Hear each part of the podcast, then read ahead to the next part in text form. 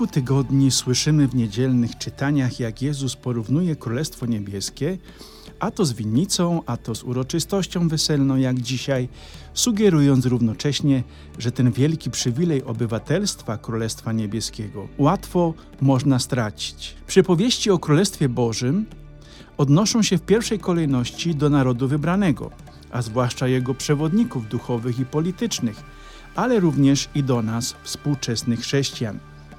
Jezus, opowiadając w przypowieściach, do czego podobne jest Królestwo Niebieskie, skupia się nie tyle na opisie samego Królestwa, ile na łatwości, z jaką przywilej mieszkania w tym Królestwie można stracić. Należeć do Królestwa Niebieskiego to nie jest sprawa właściwego urodzenia czy wybraństwa, lecz dar, który może otrzymać każdy, ale i każdy może ten dar łatwo stracić, jeśli nie wypełni określonego przez Ewangelię warunku. Dla kogo jest więc Królestwo Niebieskie? Jak można je stracić? O tym w dzisiejszym podcaście, do którego Was serdecznie zapraszam.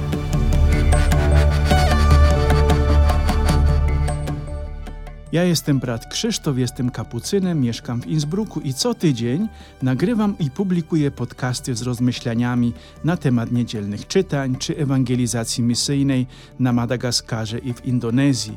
Już za dwa tygodnie będziecie mogli obserwować e, moją działalność, moją wizytę na Madagaskarze i śledzić słowo, które tam się wypełnia i realizuje. Moje podcasty znajdziecie na serwerze podbin.com pod nazwą Zwei Mission lub Ja mhm. Podcasty są w języku polskim, bułgarskim i niemieckim. W każdą sobotę od godziny 12 znajdziecie nowy podcast. Serdecznie Was zapraszam.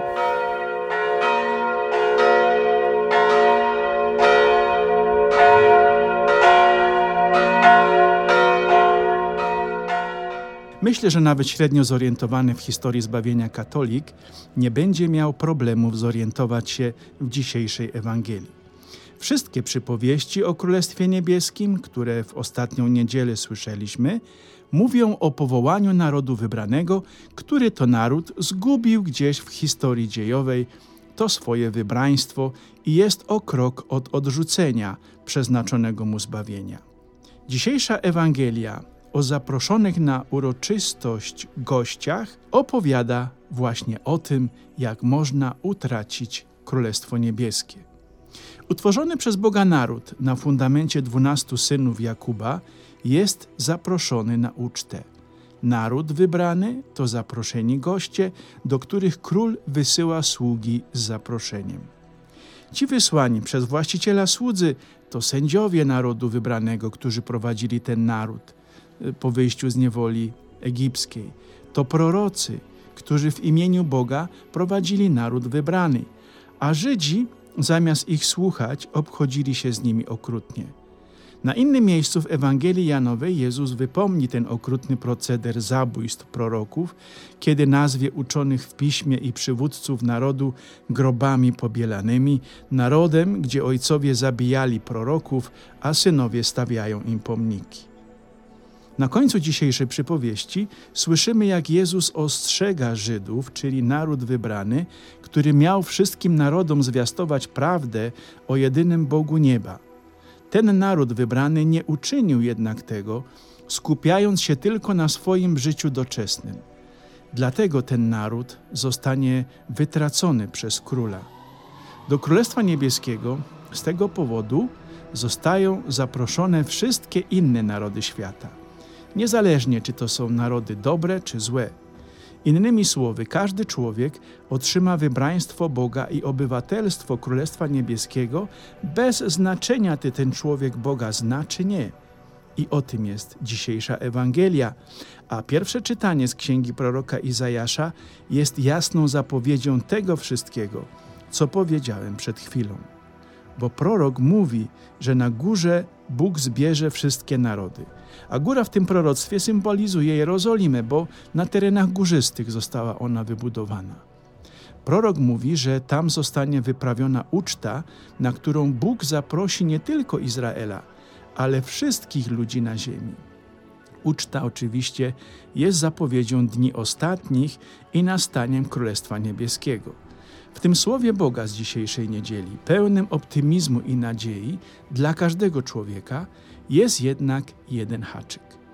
Niezależnie od tego, że Bóg nie patrzy na to, jaki jesteś i ofiaruje Ci zbawienie wieczne ze względu na swoją miłość, którą Bóg ma do swoich stworzeń, jeden warunek jest uczestniczenia w zbawieniu i musi być wykonany.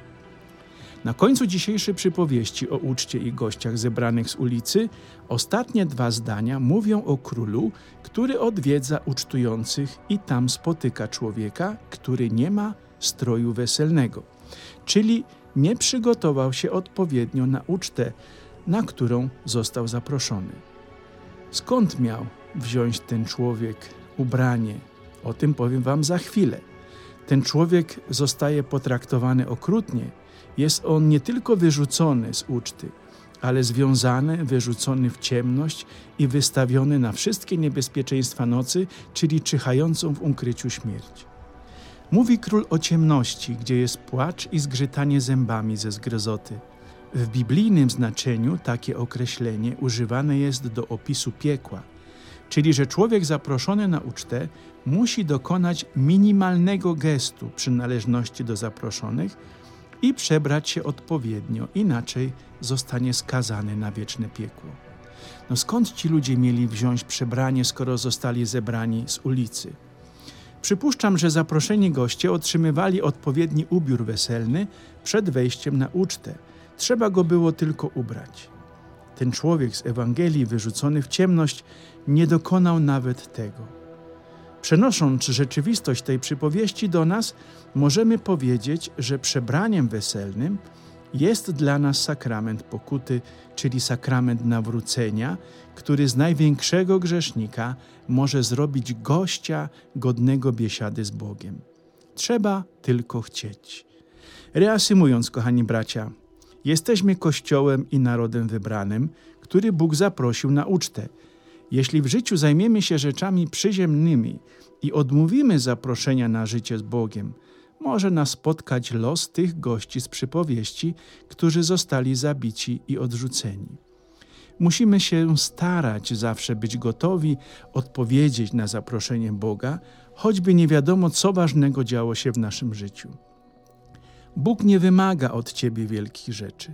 Bóg zaprasza cię nie dlatego, że zasłużyłeś na życie wieczne, ale dlatego, że kocha cię i kocha cię tak bardzo, że chce mieć ciebie przy sobie. Bóg oczekuje jednak od nas odrzucenia starego życia i przyodziania się w szaty weselne, które On sam nam zapewnia. Tymi szatami jest nasze nawrócenie, pozostawienie starego życia i wzięcie od Boga tego nowego. Odwagi, bracia. Bóg nam podaje zbawienie na wyciągnięcie ręki. Wystarczy tylko tę rękę wyciągnąć swoją i brać. Odwagi. Amen.